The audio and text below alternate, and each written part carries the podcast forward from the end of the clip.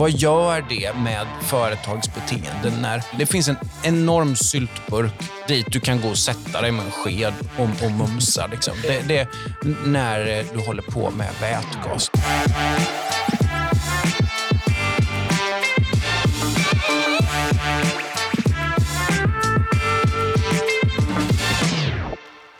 Du lyssnar på Ekonomerna med mig John Norell och idag min kollega Ellen Gustafsson som är miljö och klimatansvarig här på Timbro.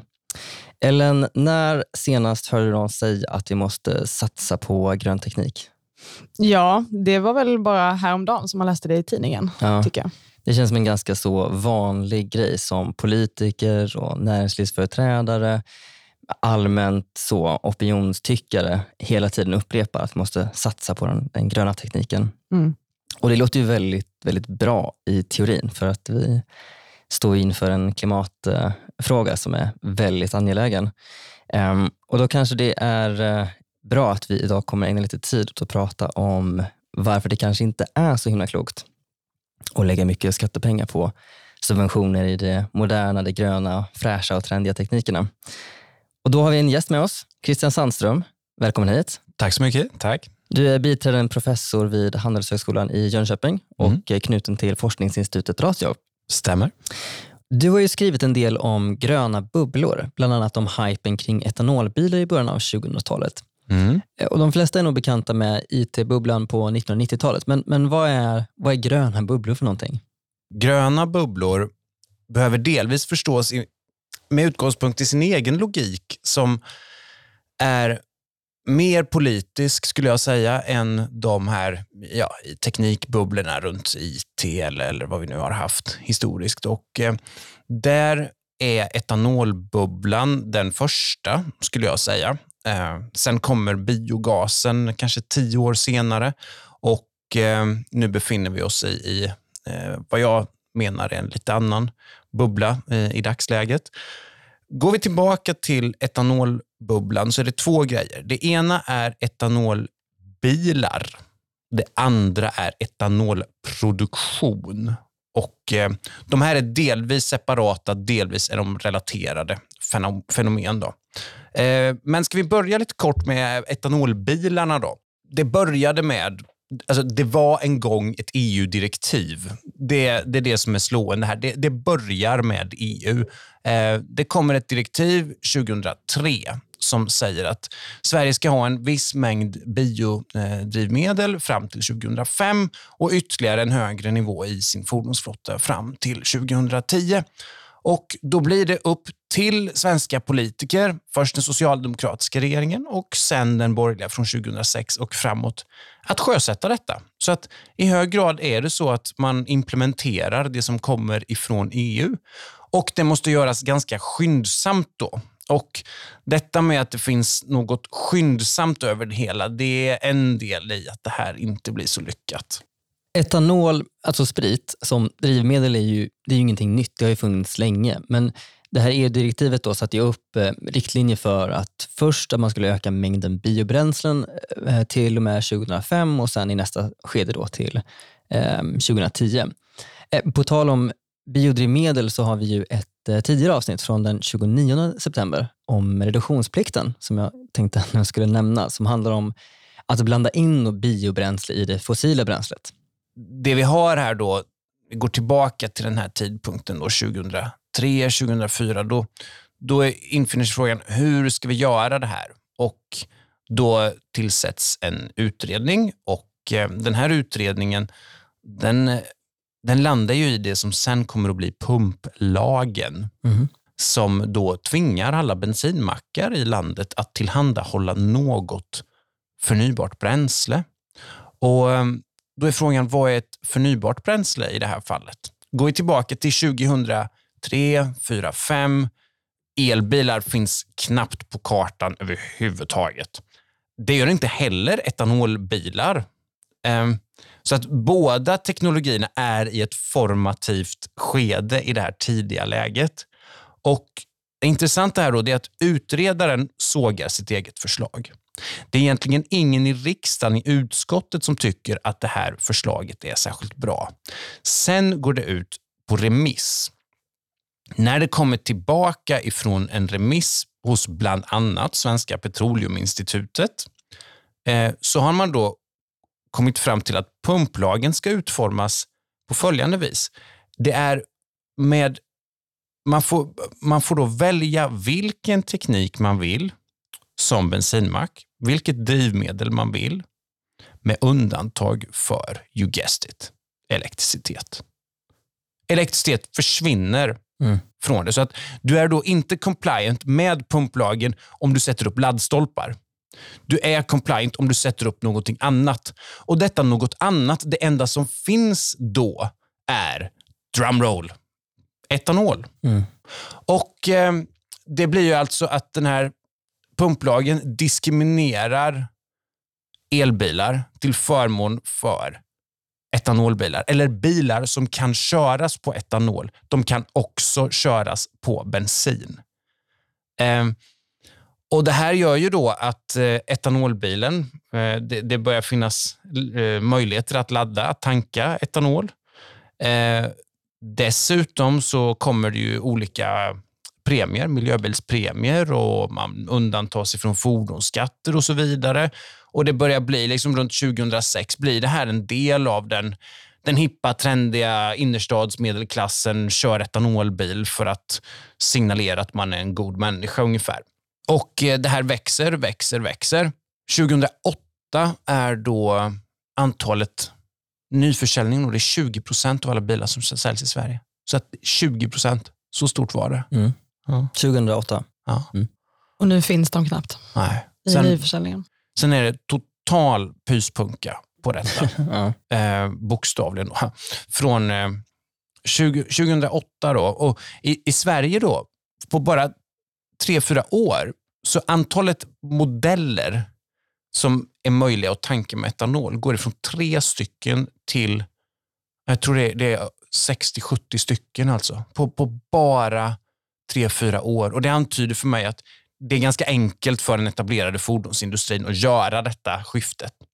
Det som sen händer eftersom motorerna havererar på att köra dem för mycket på etanol, mm. så börjar man köra de här bilarna på bensin istället. Och De drar ju mer soppa. Ja. Så att eh, det finns ju utredningar som visar att det här är negativt. Det är, det är liksom mer CO2-utsläpp. Ja. Så direkt kontraproduktivt.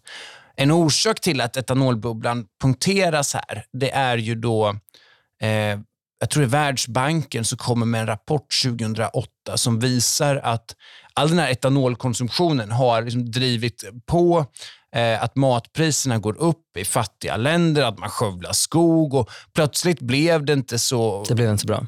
Det blev inte så fräscht längre. Så. Mm. Men i slutändan, politiker genom pumplag och eh, miljöbildningspremie och, och andra grejer eh, valde att stötta ett specifikt teknikslag eller så för att ta sig fram på vägarna. Ja. Och det gick inte så bra i slutändan. Jag har sett siffror som eh, visar på att det här fördröjde ju introduktionen av elbilar i Sverige med mm. ganska många år. Mm. Just eftersom att man snedvid och, och riktade sig just mot, mot etanolen på det här sättet. Kollar du på vad Tesla skriver på sin hemsida så säger de att eh, Norge ligger sex år framför i, i liksom elbilspenetrationen. Sen har ju de haft väldigt mycket stöd till elbilar, då, men, men det är ändå en intressant jämförelsepunkt. Mm. Mm. Okej, okay. här har vi då en situation med en politisk hype där politiker genom stöd och lagstiftning då satsar på en viss teknik som man tror ska bli stor och avgörande för att rädda klimatet. Eh, sen i efterhand så visar det sig eh, ja, det var inte en så himla bra idé. Eh, men och där då den politiska logiken hamnar i otakt med teknologiska och ekonomiska fundamenta och bubblan spricker. Utifrån det här exemplet nu då, lite bredare. Vad är det som kännetecknar de här gröna bubblorna? Den gröna bubblan börjar med eh, sense of urgency. Vi måste göra någonting. Eh, det börjar tillgängliggöras offentliga medel Eh, som sen utnyttjas. Det, det börjar skapas lagar, regler, avdrag som i sin tur påverkas av intressegrupper. Och Det kanske är så att det är just de som inte ska få utöva inflytande på lagstiftningen som sen gör det. Och eh, En annan grej i det här som är intressant, det är eh, vi skrev ju den här i, i ekonomisk debatt, och jag och Rickard Björnemalm, och, och, i vår slutreplik där så tog vi fram, så, så hittar vi att samtliga partiledare för Centerpartiet sen Torbjörn Fälldin har alltså skrivit motioner där de argumenterar för olika typer av stöd till etanolen. Mm. Det kan ju inte vara en tillfällighet. Även alltså de som har suttit i bara något år som partiledare har, har ändå lyckats få med det. Och det ligger ju nära till hands att misstänka att det här är någonting som har kopplingar till LRF. Det mm. gör det ju. Bönderna tjänar på det här? Ja, som en avsättningsprodukt. Uh, ja. Det finns en dimension med intressegrupper och uh, mm. uh, politiska intressen som kanske inte är till så att säga, samhällsekonomins bästa. De, de ser till sitt bästa och mm. det gör ju alla i någon mening. Och lagstiftning, lagar, regler, skattesatser, stöd. Det handlar ju om att utforma samhället så att alla gagnas. Mm.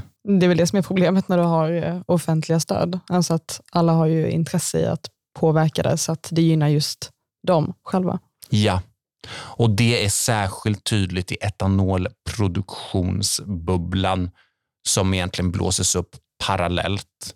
Där ser vi ju då hur stora mängder vad vi kallar gratispengar, bidragspengar från Energimyndigheten, från EU, från Naturvårdsverket, från Vinnova, och så vidare eh, ställs till företags förfogande. Och det gör att de blir immuna mot risker. Därför att det är någon annan som betalar. Och när det dessutom är, det är inte bara så att det här är statliga medel, då, bidrag, utan det går ofta in i kommunala bolag eller statliga bolag och till och med dotterbolag till kommunala bolag. Så att vi har flera brandväggar bakom vilka det egentligen är helt omöjligt att utkräva någon typ av ansvar. Där liksom governance-funktionen fungerar väldigt dåligt. Det är det här som är fallet då i, i Sekab. Eh, det här etanolbubblehaveriet i Örnsköldsvik där man skulle göra etanol ur cellulosa. Alltså du skulle göra etanol ur skogen. Uh och eh, redan 2003-2004 så på frågor, när Sekab då fick frågan varför ska vi göra etanol ur skogen? Det är jättesvårt tekniskt när det finns etanol i Brasilien som du gör av socker eller du kan göra av spannmål. Alltså varför? Och svaret är ja, vi måste vara världsledande. Det är, då, det är så vi blir världsledande. Det är så vi går före. Orden världsledande, världsunik och export och gröna jobb och återindustrialisering. De, går, de här honnörsorden de, de matas av Göran Persson, av Maud Olofsson eh, gällande etanolproduktionen här. Mm. Och Sen hör vi samma sak med biogasen tio år efter det. Söderhamn har varit världsledande eller världsunika i biogas. Okej. Okay. Västerås, samma sak. Det, det, finns, det finns så många sådana här exempel. Ehm. Mm. Jag tänkte också lite grann på det som, som du var inne på eh, innan, att allt det här började med ett, med ett EU-direktiv. Eh, alltså ett generellt problem när man pratar om eh, hållbarhetsfrågor är att det, eh, det är mycket i det som är ganska svårdefinierat. Alltså vad är egentligen hållbart? Eh, och bland annat på EU-nivå så har man ju, liksom, där, där, syns den här problematiken i till exempel att man försökte ta fram den här, eh, eller tagit fram taxonomin, alltså en, en, klassificering av vad som ska klassas som hållbara investeringar och inte. Och där tycker jag man ser den här eh, uppdelningen och att den kan leda fel på ett väldigt tydligt sätt i till exempel då att man faktiskt, eh, ja, men att naturgas kunde då klassas eh, kunde klassas som grönt. Eh, samma sak att det faktiskt fanns oklarheter kring kärnkraften. Alltså är det hållbart eller inte, trots att det är eh, en utsläppssnål energikälla. Mm. Så att eh, det, det, finns ju den här tendensen i att liksom, när man ska definiera eh, och komma fram till vad mm. är det vi vill stötta och inte och hur gör vi det? Att det kan bakas in problem redan, redan från start.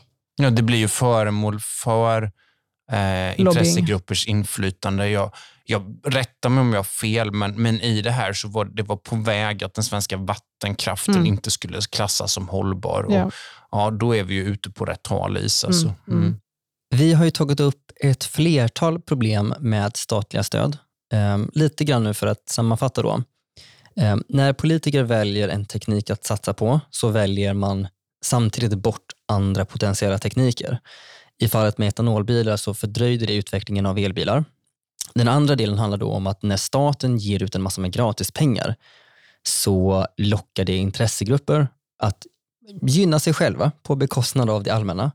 Och I fallet med etanolen då så har vi lantbrukare som eh, låg på för stöd till etanolet. Och En tredje sak som nämnts är att gratispengarna skapar snedvridande incitament för företag att, som då struntar i risker. Att eh, eh, teknik kan helt enkelt floppa. Det är ju skattebetalarnas pengar som man satsar. Men som fjärde sak då, eh, så blir det svårt att utkräva ansvar när politiker ska leka företag och eh, bygger upp en massa med statliga och eh, kommunala bolag.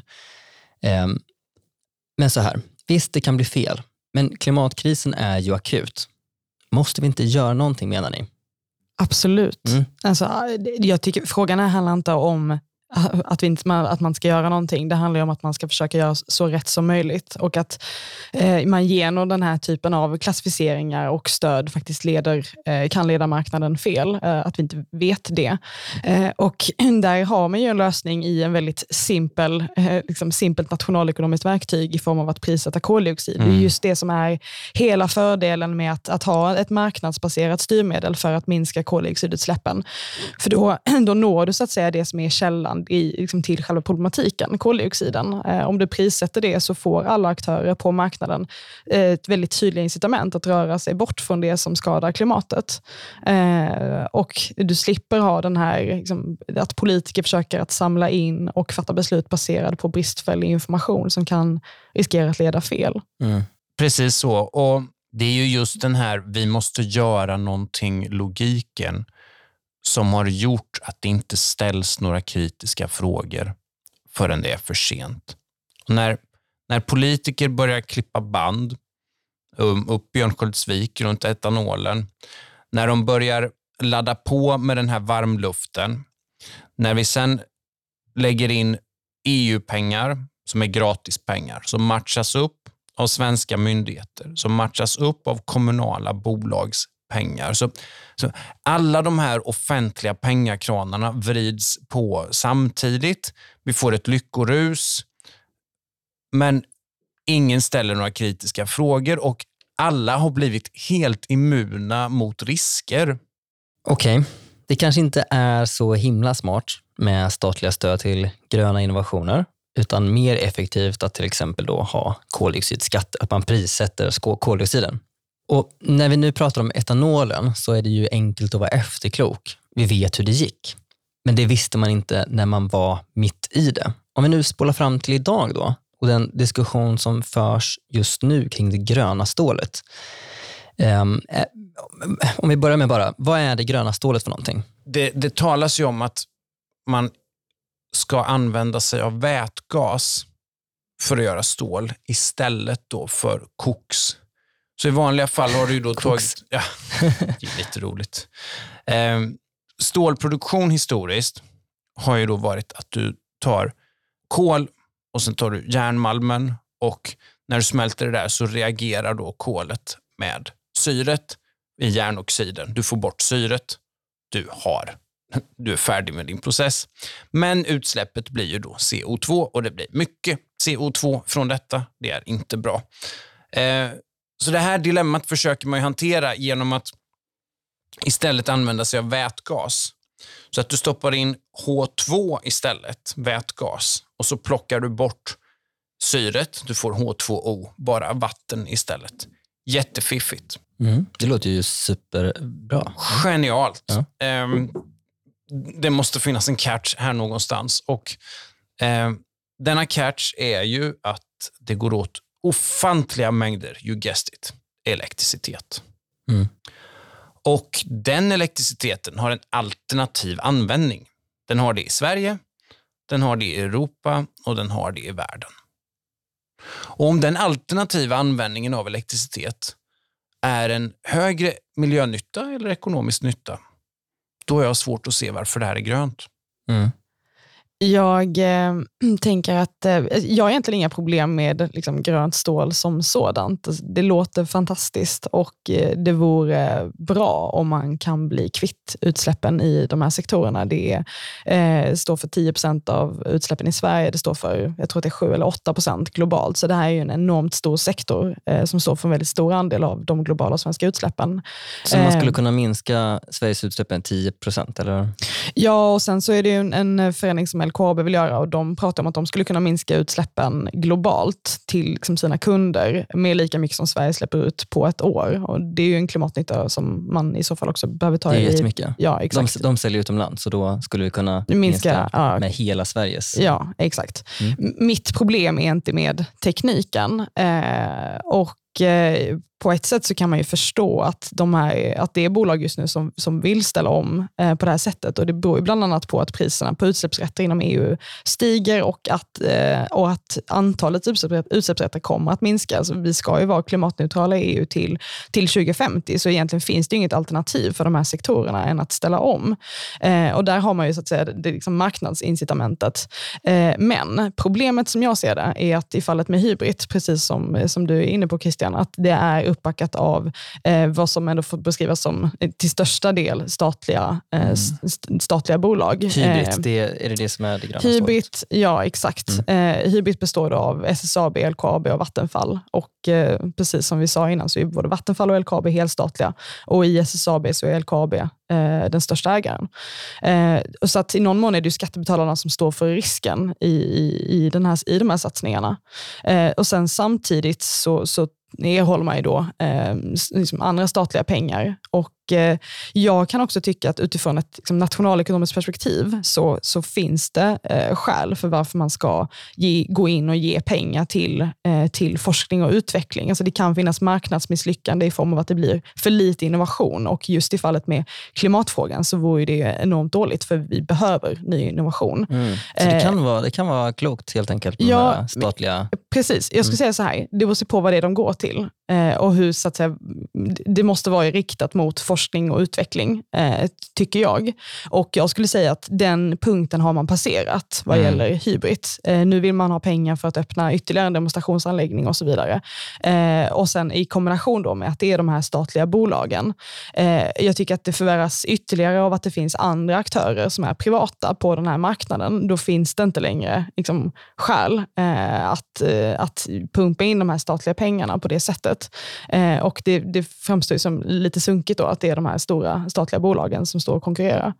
Eh, så, att, så att mitt problem handlar mer om de statliga bolagen och de, eh, de här eh, pengarna eh, som man fortsätter pumpa in i projekt som redan har erhållit väldigt mycket Mm. eh, pengar. Sen har de ju själva lyft fram att eh, de drabbas av att andra av deras konkurrenter inte betalar för sina utsläpp till exempel. Och Då kommer man tillbaka till det här med prissättning. Konkurrenter internationellt då? Ja, exakt. exakt. Alltså att de behöver hjälp för att andra får stöd eller indirekt liksom subventioneras genom att de inte betalar för sina utsläpp. Och Det är klart väl att- sant, eller? Ja, absolut, absolut. Det är ett jättestort problem. Men jag tycker inte att, mm, jag tycker inte att det är rätt att man löser det då genom att man ska liksom bygga, eh, underbygga det med de här liksom enorma statliga eh, stöden.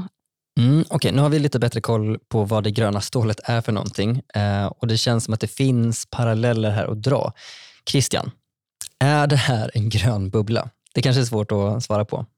Ja, det, så är det ju. Eh, att vi, vi befinner oss mitt inne i någonting.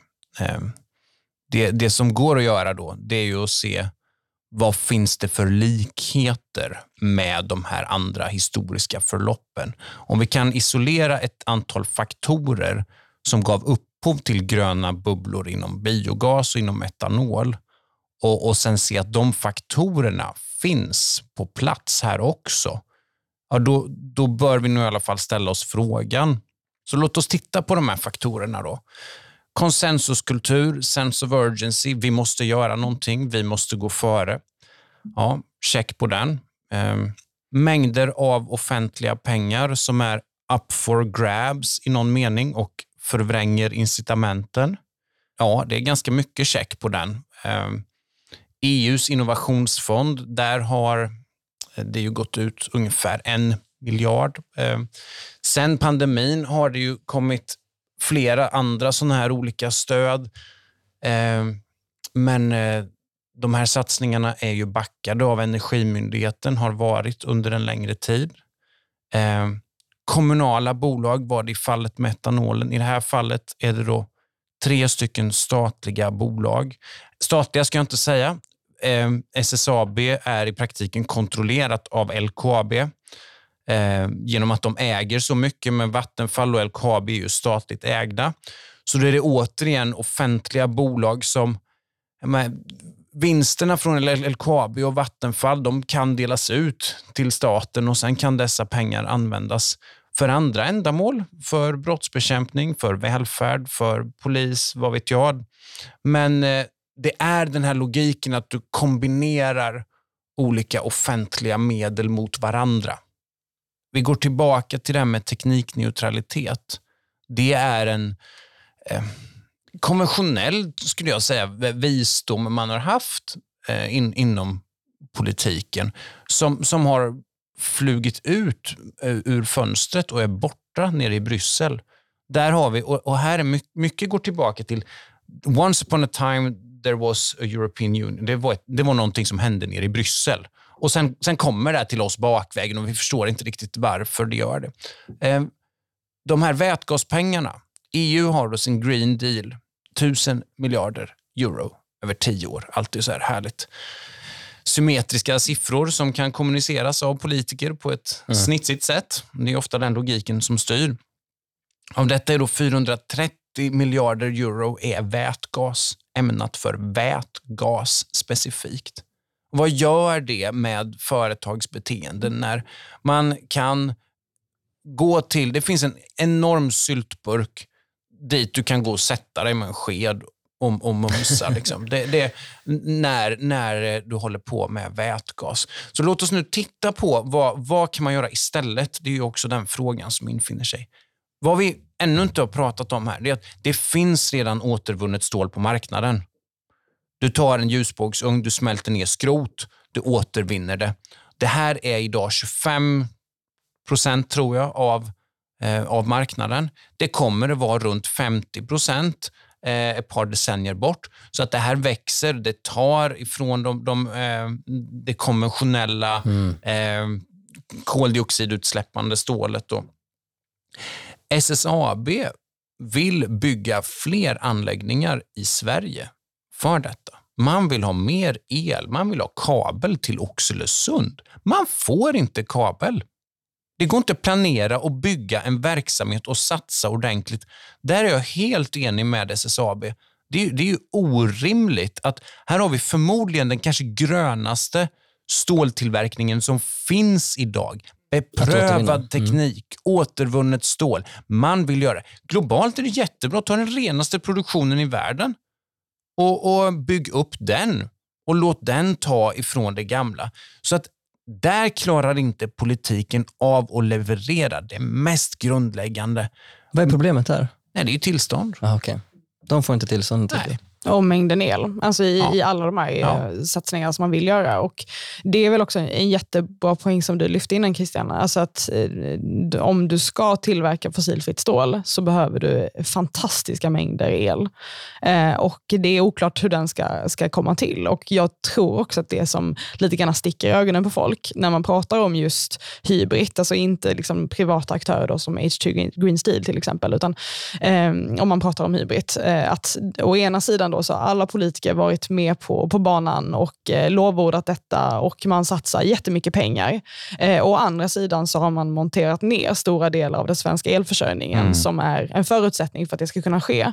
Eh, så, att, så det här har ju egentligen staten liksom dubbla linjer och de är oförenliga. Mm. Det är ju liksom det som skapar, skapar ett problem här. Jag, jag tycker egentligen inte att eh, liksom enskilda bolag ska, ska bära ansvaret för, för elproduktionen på så sätt. Jag menar, det, det kräver vi inte av andra bolag som, som använder el, men det är ju ett reellt liksom, problem. Det är ju fakta att vi, vi, den här elen behöver tas fram på något sätt om man ska kunna tillverka det. Eh, det ena sker inte utan det andra och det säger ju de här bolagen, bland annat SSAB själva. Alltså, de behöver mer el och de behöver mm. eh, förenklade tillståndsprocesser. Och det är de ju på intet sätt ensamma om att påpeka, utan det är Nej. det som alla bolag i Sverige påpekar just nu. Mm. Så att det är inte bara den här verksamheten som eventuellt hindras om det här inte kommer på plats, utan vi ser ju bolag eller småföretag redan idag som, mm. som lägger ner för att elen sticker i pris och för att det inte finns tillräckligt. Så att, mm. eh, det här är ju i, i, mer än, snarare än att det skulle vara liksom det, de här företagens problem, så är det ju eh, liksom en, en, någon, ett problem och frågor som jag tycker också borde riktas till politiker, för att de bär ett så pass stort ansvar eh, mm. i nedläggningen och i att, att inte skapa rätt förutsättningar för, för mer elproduktion. Ja. Men borde inte Hybrid då, alltså kan inte de bygga sitt eget kärnkraftverk då? Liksom? Borde jag, de... jag tror de har varit inne på det. Alltså LKAB har varit ute i alla fall och uttryckt stöd för, ja. för SMR, till exempel små modulära reaktorer. Ja. Och, så att den diskussionen... De ser ju dilemmat. Mm. och... Eh, hur mycket, hur mycket el är det handlar om? Hur mycket, liksom, om vi nu tänker kvantiteter? LKAB höjde ju sina estimat nu till att de skulle ha, behöver 70 terawattimmar och sen har vi då SSAB eh, 15.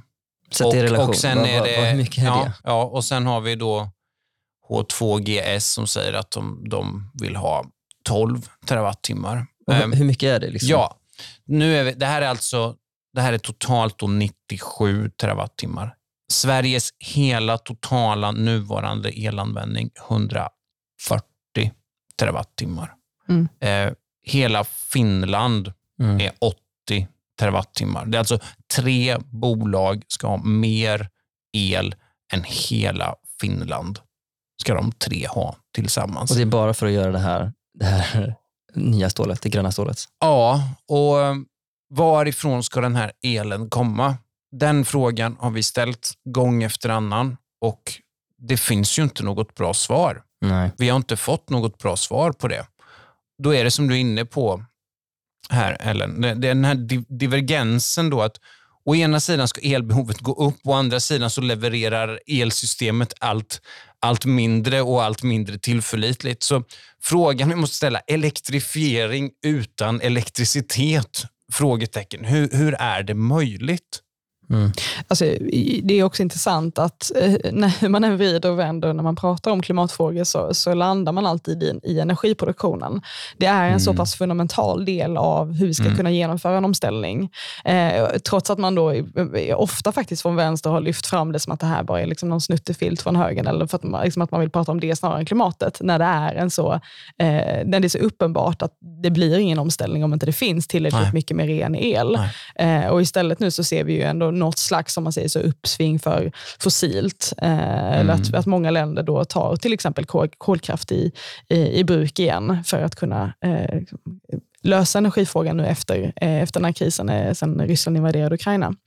Eh, och ändå är det många bolag eh, eller länder som eh, fortsätter någon slags eh, liksom, något tåg eh, på att lägga ner reaktorer. Eh, så att det, det här är ju, liksom, kärnkraften fortsätter att vara en, eh, en, en fråga eh, som man liksom måste förhålla sig till när vi pratar om omställningen. Jag tycker att nästa steg, det man behöver prata om, det är ju jag tycker man kan prata om att privatisera fler statliga bolag. att eh, liksom, vad, vad är motivet till att man är inne på olika marknader? Och att man behöver rulla tillbaka eh, liksom stora delar av mm. de här eh, stöden som finns. Och som jag var inne på tidigare, eh, jag, jag, tycker att det kan finnas goda skäl till något slags eh, stöd för, för innovation, men, men där måste gränsen vara väldigt tydlig, var det går bortom forskning och utveckling och när det blir ett marknadsintroduktionsstöd och när man fortsätter att hälla pengar i olika projekt. Och jag tycker att det är tydligt i fallet med Hybrid att man har gått bortom den punkten. Eh, det går inte att motivera längre.